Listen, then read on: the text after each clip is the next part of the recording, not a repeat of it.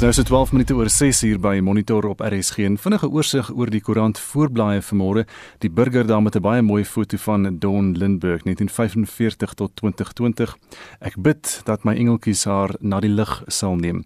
Maar die hoofberig vandag aan die burger, Ramaphosa troef Magashule faksie. Eis moet Saterdag sê hoekom hy in sy pos moet bly. En hy moet dan Saterdag voor die ANC se integriteitskommissie verskyn en hulle oorreed om hom nie van sy pos as sekretaris-generaal te onthef nie. Dan ook 'n berig op die burger vanmôre 'n nooddienste lid oorleef dwaalkoel in Mitchells Plain. As dit nie was vir die koelvaste baadjie nie, was 'n lid van die mediese nooddienste in die Wes-Kaap dalk dood. Dit is dan die burger vanmôre as ons kyk verder na die voorblad van Beeld, dan is die hoofopskrif daar op Beeld vanmôre 'n bietjie troos dat drie sames ongeluk eis maats en ma. Bedroefde ouers vertel van dogters. Blomme is neergelê by die laerskool Menlo Park in Pretoria se hoofingang vir die drie meisies wat dood is. Dit is moeilik as die helfte van jou huisgesin uitgewis is en dan al die besonderhede dan daar in die berig op beeld vanmôre met al die fotos uh van al die kinders en dan ook die berig Christian slaan nog 'n titel los dit is natuurlik die Besuidnout gesin. Die Christian Besuidnout net 2 jaar oud was, het sy ouers reeds geweet hy is bestem om eendag groot golf te speel. En die berig en al die fotos dan ook daar op beeld vanmôre. Die digitale voorblad van Volksblad lyk vanoggend so 'n bietjie troos dat drie sames en dit is dan ook daardie storie van die hoërskool Menlo Park en dan ys faksie getroef die foto van ys Magashule daar ook uh, die glorieryke beweging. Moenie aangeval word nie maak nie saak hoe ontevrede enige iemand is nie. Internasionaal op bbc.com Biden beloof dat daar 100 miljoen uh, inentings gaan wees in die eerste 100 dae van sy presidentskap dan van die 20ste Januarie af. Uh, Boris Johnson is op pad Brussel toe. Hy gaan met Ursula von der Leyen ontmoet daar om te verseker hulle kry 'n Brexit ooreenkoms en kyk of dit kan werk. En dis vinnige oorsig oor vanoggend se nuus. 'n Nasionale loonkommissie het aanbeveel dat die minimumloon van huishulpe volgende jaar verhoog moet word tot 88% van die nasionale minimumloon. Dit beteken 'n verhoging van R450 per maand terwyl dit in 2022 verhoog sal word tot R688 per maand. Plaaswerkers sal ingevolge die nuwe regulasies R588 meer per maand betaal word. Daar's egter kommer dat hierdie verhogings tot verdere werks verliese gaan lei. Wat is jou mening daaroor? Sal jy jou huishulp kan betaal of gaan jy noodgedwonge vir haar of hom die trekpas moet gee of betaal jy reeds die minimumloon en is nie juis gepla oor die voorstelle nie? Stuur 'n SMS na 45889, dit kos R1.50 of gaan na facebook.com vorentoe skynstreep ZRC of WhatsApp vir ons stemnota na 076 536 69 061 076 536 6961 Dis kwart oor 6 en die selfverklaarde profeet Shepherd Bushiri se mede-beskuldigde Villa Modolo sal vir nog amper 'n week moet wag voordat sy borgtog aansoek in die Landdroshof in Pretoria kan voortgaan. Hy is sedert Oktober agter tralies toe hy saam met sy vrou Zethu in hegtenis geneem is. Hulle word saam met Bushiri, sy vrou Mary en Landiwe Ntlokwana van bedrog 'n bedrog, diefstal en geldwasery ter waarde van meer as 100 miljoen rand aangekla. Almal behalwe Modolo is reeds op borgtog vrygelaat. Sy borgtog aansoek is gister tot maandag uitgestel. Lila Magnus doen verslag. Landrostandi Teledi het gesê daar is nie plek op die hofrol vir die borgtog aansoek om voort te gaan nie en het die saak tot maandag uitgestel. Ten spyte van Villa Modolo se regsverteenwoordiger wat aangevoer het borgtog aansoeke is altyd dringend en dat Modolo sin al amper 2 maande lank sloer. Die kriminele regskenner Dr. Llewellyn Kerloos sê dis nie ongewoon vir borgtog aansoeke om te sloer nie, maar dat dit nie beteken dit is aanvaarbaar nie. Die grondwet in Suid-Afrika is die oppergesag van die reg. Dit is 'n tragiese dag wanneer praktiese tekortkominge in 'n stelsel die minimum gewaarborgde regte en vryhede van individue inperk en as ware van nul en geener waarde maak nie.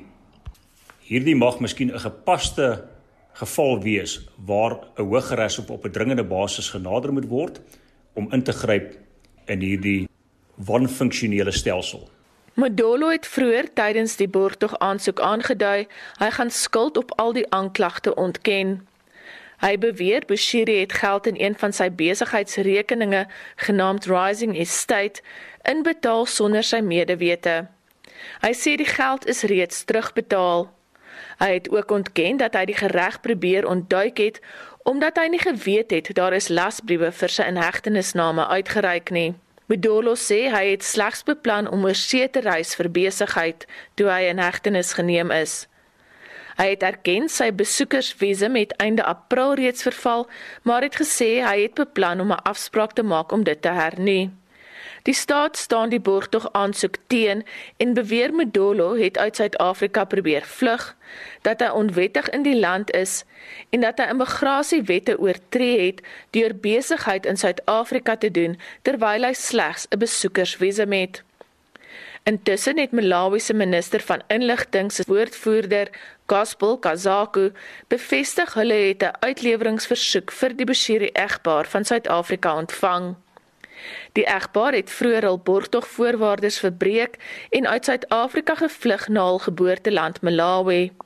Hulle is in Malawi se landdroshof onvoorwaardelik vrygelaat nadat hulle hulself aan die polisie oorgegee het toe hulle uitvind Interpol het 'n lasbrief vir hul inhegtenisname.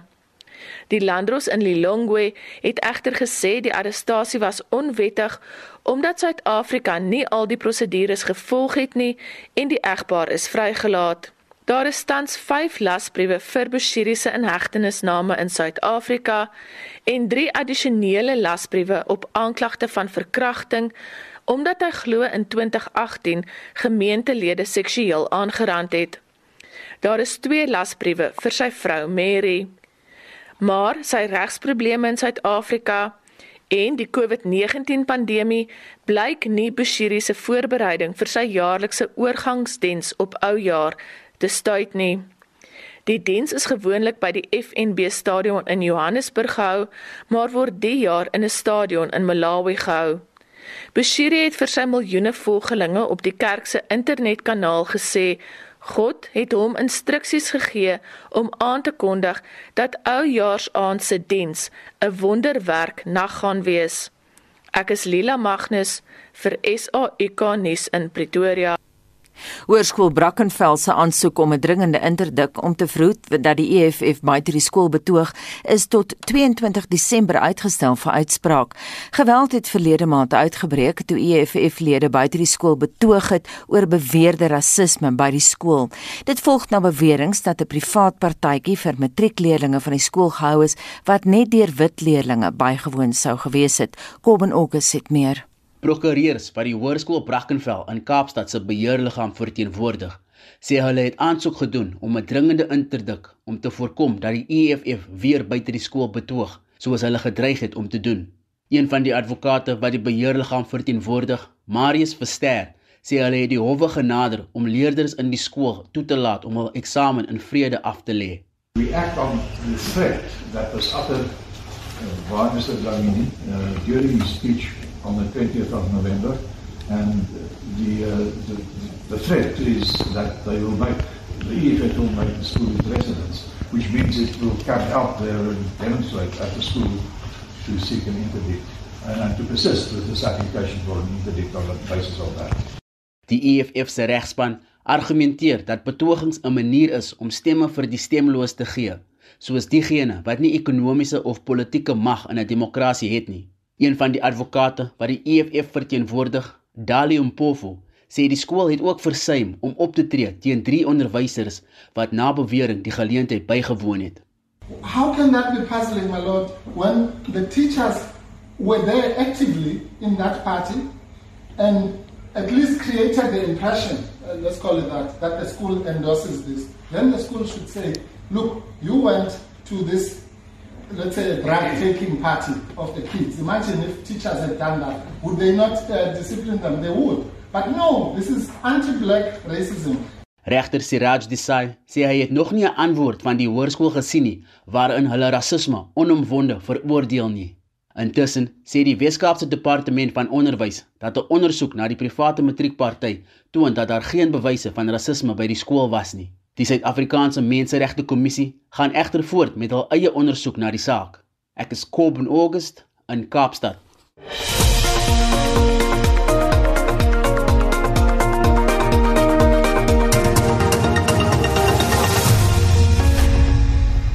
Die nasionale minimumloonkommissie het aanbeveel dat die minimumloon van huishulpe volgende jaar verhoog moet word tot 88% van die nasionale minimumloon. Dit beteken 'n verhoging van R450 per maand, terwyl dit in 2022 sal verhoog word tot R688 per maand. Plaaswerkers sal R588 meer per maand betaal word. Daar's egter kommer dat hierdie verhogings tot verdere werksverliese kan lei. Vir sy mening hieroor praat ons nou met 'n ED-ekonoom by CH Economics, die hoof daar, Dr. Chris Harmse. Môre Chris. Môre Anita. Mens sien inderdaad oral kommer oor werksverliese. Die regering sê die voorgestelde minimumloon kan die salarisse dan van plaaswerkers en uh, huishulpe in lyn bring met ander werkers. Hoe groot is die gaping, Chris? Die gaping vir uh, vir uh, uh, plaaswerkers aan dit is 406 rand 'n maand. Uh en dit was al 2 jaar gelede gesê, toe dit die eerste keer hierdie minimumloon aangekondig is dat hulle sal hierdie gaping in die volgende jaar, aan ander woorde in 21 sal hulle die gaping uitwis. So die gaping is 406 rand 'n maand. En nou gaan die stygings natuurlik nou 588 wees sodat die plaaswerkers presies in lyn kan kom met die ehm um, uh 4277 vir alle werkers. Mm. Dat die minimumloon vir plaaswerkers en huishulpe sal ingevolge hê die voorstelle met tussen 600 en 700 rand per maand verhoog word. Chris, hoe word daai syfers bepaal? Um, Anita, wat hulle gedoen het, hulle het gegaan hulle hulle hulle 'n syfer per uur gaan bereken. Uh wat hulle noem 'n sogenaamde bestaanloon is. En nou die heel eerste syfer wat ingestel was was Januarie 2019 Dis sou alle werkers behalwe plaaswerkers en huisbediendes en ehm um, uh, daai werkers sou R20 per uur verdien. Daai R20 per uur is toe nou verlede jaar verhoog met uh, 3.6%.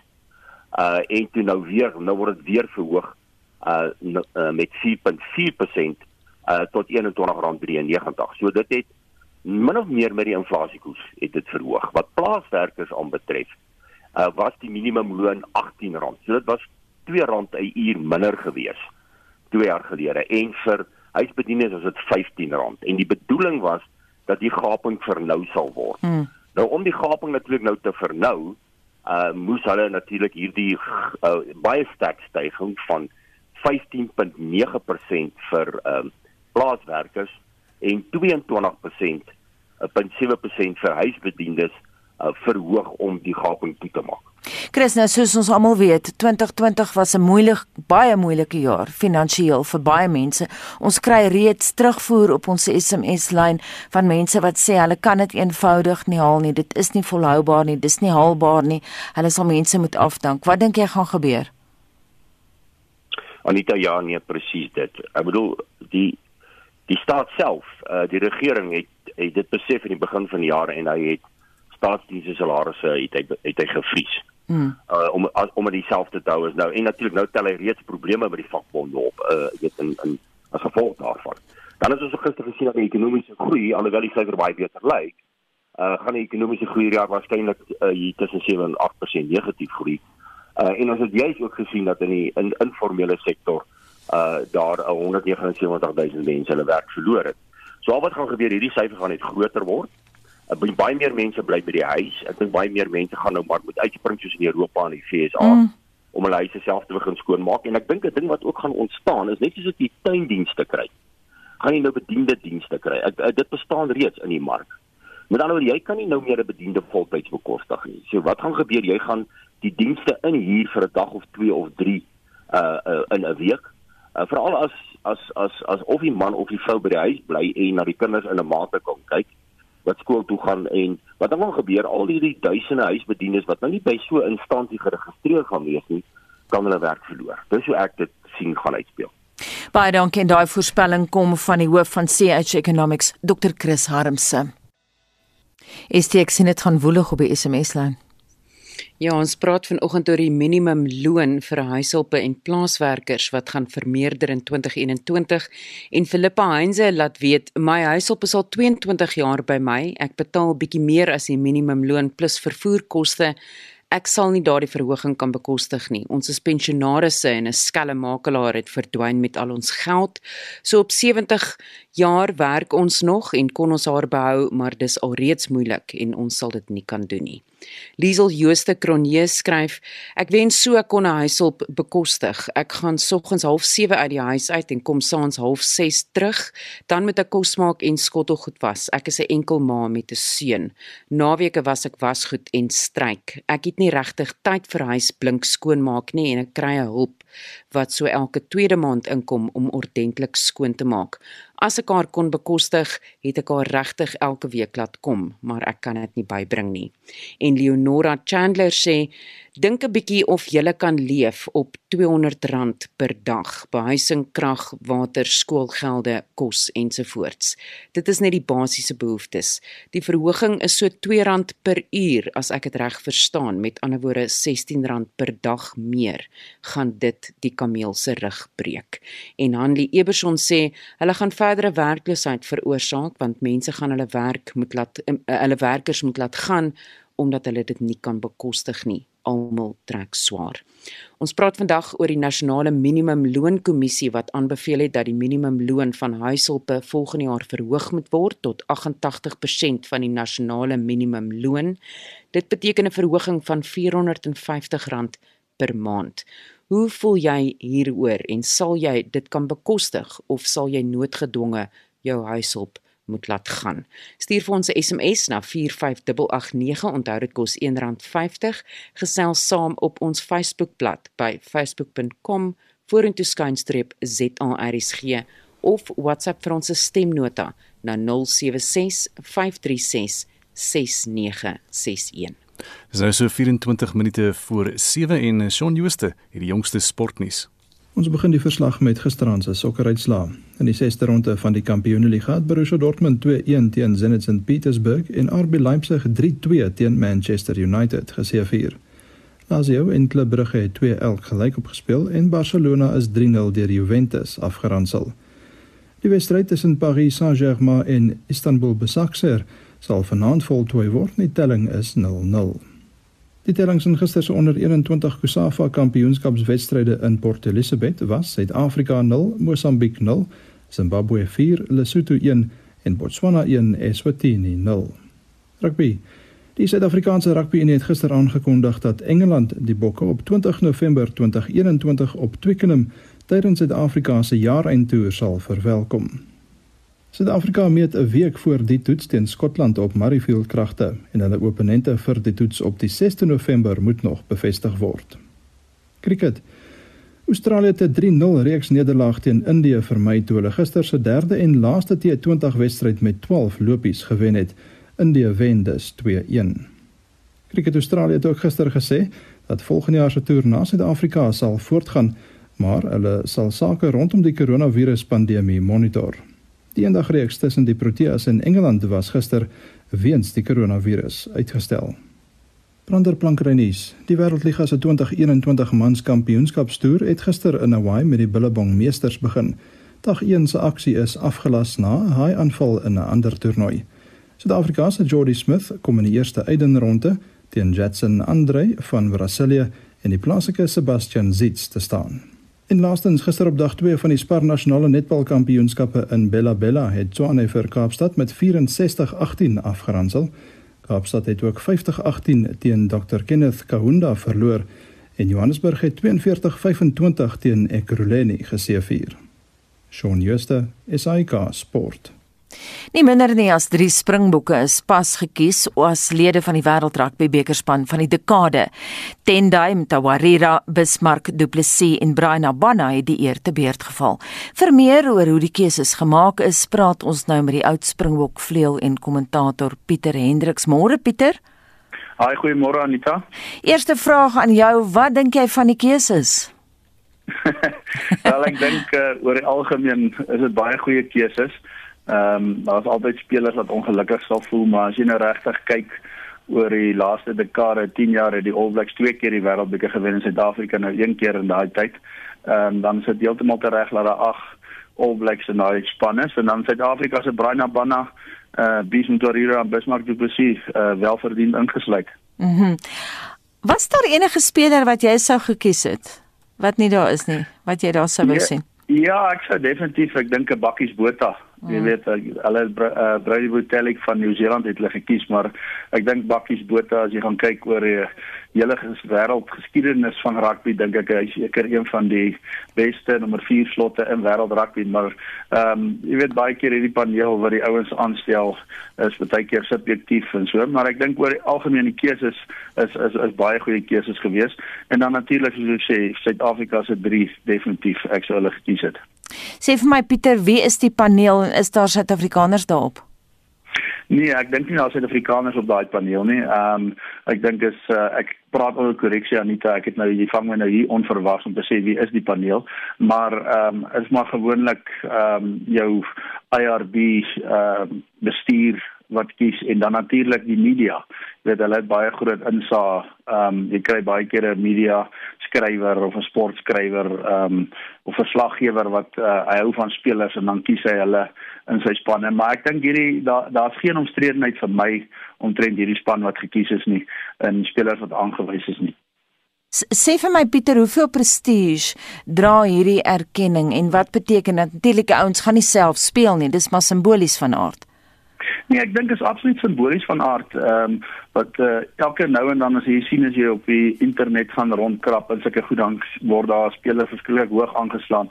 Maar ek dink Anita as ek as ek gou-gou in individueel gaan kyk na hierdie uh keuses, ehm um, jy weet ek dink is 'n baie baie groot voorreg om ingesluit te word in hierdie uh, uh span. Maar as jy nou kyk na Brian Abana, hy het die tweede meeste toetse in die geskiedenis van Suid-Afrikaanse rugby het hy gespeel op 124. Jy weet en hy hy het vir Toulouse uh gespeel in in Frankryk in die top 14 Europese liga het hy gewen. Hy hou die Jonah Lomo um, rekord uh, tesame met Jonah Lomo vir die meeste drie in wêreldbeker rugby. Ehm um, uit vir Suid-Afrika hou die rekord vir meeste 367. Jy weet hy hy alles wat in wêreld rugby beskikbaar is, super rugby, currie beker, uh Franse uh top 14 wêreldbekers, ehm um, speel teen die Britse leeu's. Hy het alles gewen van daar te wenne is. En dieselfde met 'n ou soos Bakkies Botha byvoorbeeld wat jy gesê het wat nie in hy span is nie.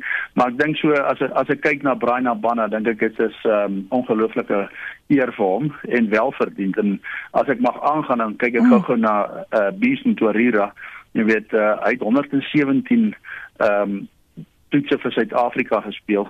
Ehm um, ek dink hy lê op die uh vir Suid-Afrika vir die meeste ehm um, voor hy uh, begin in 'n in 'n toets en daai goede het hy ook die rekord daar.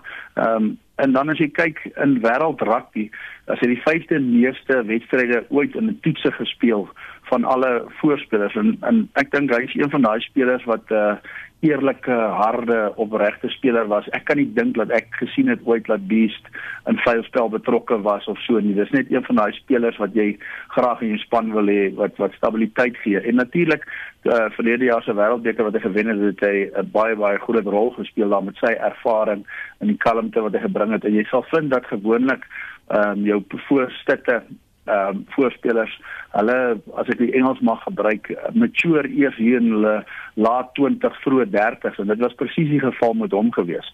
En dan die laaste speler natuurlik Bismarck Du Plessis wat wat aangewys is. Anita dis nou een van my gunsteling spelers ehm um, in wêreldrugby. Jy weet uh, as jy gaan kyk Bismarck Du Plessis het, het 79 toetse ehm um, vir Suid-Afrika gespeel en ek is ook mos nou maar bekend vir omstrede uitlatings. ek gaan vanoggend gaan ek gou een maak. En, en daai uitlating is dat uh jy weet hy het onder 'n speler soos John Smith gespeel en John Smith ehm um, as ek oor die meeste uh toetse op bakker vir Suid-Afrika gespeel het. En ek dink die derde meeste in ons geskiedenis. Maar ek sê vir jou uh uh ou soos Bismarck Du Plessis in my opinie is die ou wat moes oor die 100 toetse gespeel het. Ek dink uh, 2011 ook en hier kom ons streed net nou. Hm. Ek dink uh, Suid-Afrika sou die wêreldbeker gewen het onder Pieter de Villiers 2011 as hy Bismarck Du Plessis in sy beginspan gekies het en en uh nie gegaan het vir John Smith se ervarenheid as kaptein in daai wêreldbeker nie. Op daai stadium was Bismarck Du Plessis by verre by verre die beste hakker in wêreld rugby en ek dink as jy kyk oor die geskiedenis van wêreld rugby, ehm um, as jy al die hakkers wat al ooit wêreld rugby gespeel het vat, Ehm um, en ek hou af met demonstreer en ek dink ek Bismarck Plessis is seker uh die beste van die spel en dan in Suid-Afrikaanse geskiedenis dan sluit dit manne soos John Smith en Uli Smit, uh Malcolm Marx. Ehm um, ja, so dit is groot spelers wat se name ek nou noem, maar by verre Bismarck Du Plessis ehm um, is my uh uh, uh keuse van die een wat die minste onderspelers onder wedstryde gespeel het as 'n speler maar wat definitief by verre dink ek uh, in sy posisie seker een van die bestes ooit was. Pieter, ek moet jou nou net waarsku net al ons klank gaan na ons argief toe. So jou omstrede uitspraak is nou vir ewig. baie baie dankie Pieter, dit dan die oud Springbok vleuel en kommentator Pieter Hendriks. Dis nou kwart voor 7 uur by Monitor op RSG. En die bekende Amerikaanse toetsvlieënier, kaptein Chuck Yeager is op 97 jarige ouderdom oorlede. Hy was die eerste persoon wat vinniger as die spoed van klank gevlieg het in Oktober 1947 in 'n Bell X1. Hy het ook in Desember 1953 die eerste persoon geword wat vinniger as Mach 2 of twee keer dan die spoed van klank gevlieg het. En vir meer oor die merkwaardige prestasies praat ons met Carl Jensen, 'n afgetrede Boeing 747 kaptein van die Suid-Afrikaanse Lugdiens met 27000 vliegure op sy kerfstok en ook lid van die eksperimentele vliegtuigvereniging. Kaal, goeiemôre. Goeiemôre, Gustav. So jy sê jy het al vir Jager ontmoet? Ja, ek het um, ek het een uh, op 'n call 'n kommentaar gelewer by Oshkosh uh, toe ons die Suid-Afrikaanse lugdiens se historiese vlug hmm. uh Skymaster soon toe gevlieg het en daar uh vir die mense gewys. En Chuck Yeager was op die um op die perseel en ek het die kommentaar gelewer en ek was natuurlik so uh opgewonde en uh skrikbevange en um die oud vir my gesê 'n vreemdeling sê vir my um, if you don't like what you're doing here, you just do something else. We're all volunteers. en toe sê 'n ander vreeslik beroemde man, uh, Bob Hoover, 'n uh, uh, beroemde vlieënier. Hy sê wie wie daai ou is? Ek sê nee, ek ken hom nie. Hy sê nee, dis Chuck Yeager. Sy my wêreld, ek het die man ontmoet. Nicole, wat maak sy prestasies so besonder? Wel, die die feit dat hy daai klankgrens uh, wat wat hy uh, oorskry het hmm. was daai vlug was uiters uiters gevaarlik en jy weet die feit dat hy beseer was um, want hy het van 'n perd afgeval en sy ribbes gebreek twee dae voor die tyd en hy moes die uh, die kajuit toemaak met 'n stuk van 'n 'n besemstok om te help met die met die pyn en in elk geval daar die die klankgrens was oorskry voorheen, maar nie in gelyke vlug nie. En jy weet daai daai vlug is uh dit was op 42000 voet, is omtrent uh, 13 km hoog waar hulle hom uh van 'n bomwerper laat uh, hmm. die vliegtuig laat val het en of gelons het en daar gaan hy.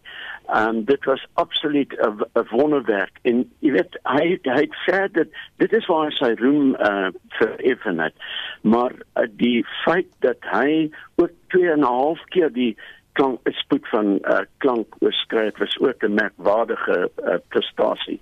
En dit alles in 1947 um, en 1953 en daardie tyd reeds. Jy het nou ja. verwys na sy beserings, hy het met gebreekte ribbebene het hy gevlieg uit dit gehad. Kom ons luister gou eers na sy weergawe van die gebeure. Saturday night, we went out after dinner and riding horses and chasing each other. And coming back, somebody had closed the gate and it was dark and I didn't see it, so my horse hit the fence and flipped me and I broke a couple of ribs. And uh, that was on Saturday night. Sunday, I moped around and then Monday, I had to go into the base. I went to a, a local doctor there and he said, We've got two crack, two busted ribs. I'll tape you up. And, and it, it really didn't make that much difference in flying the airplane because it's not strenuous other than handling it with your, your hands and feet on the rudder pedals and, and the control surfaces. My only problem was uh, it was painful to get into the airplane because you had to come down a ladder and go through a little hole on the right side.